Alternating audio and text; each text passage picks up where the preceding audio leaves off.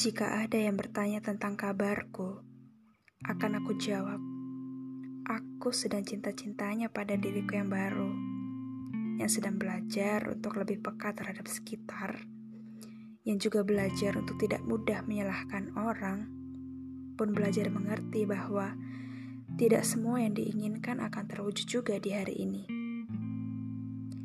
Semata karena memang belum rezeki, atau bahkan semesta sedang menyiapkan yang jauh lebih baik dari ini.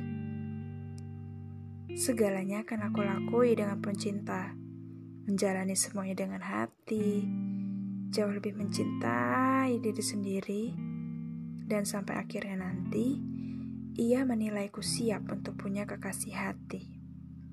Tulisan ini ditulis oleh Faris Sandani.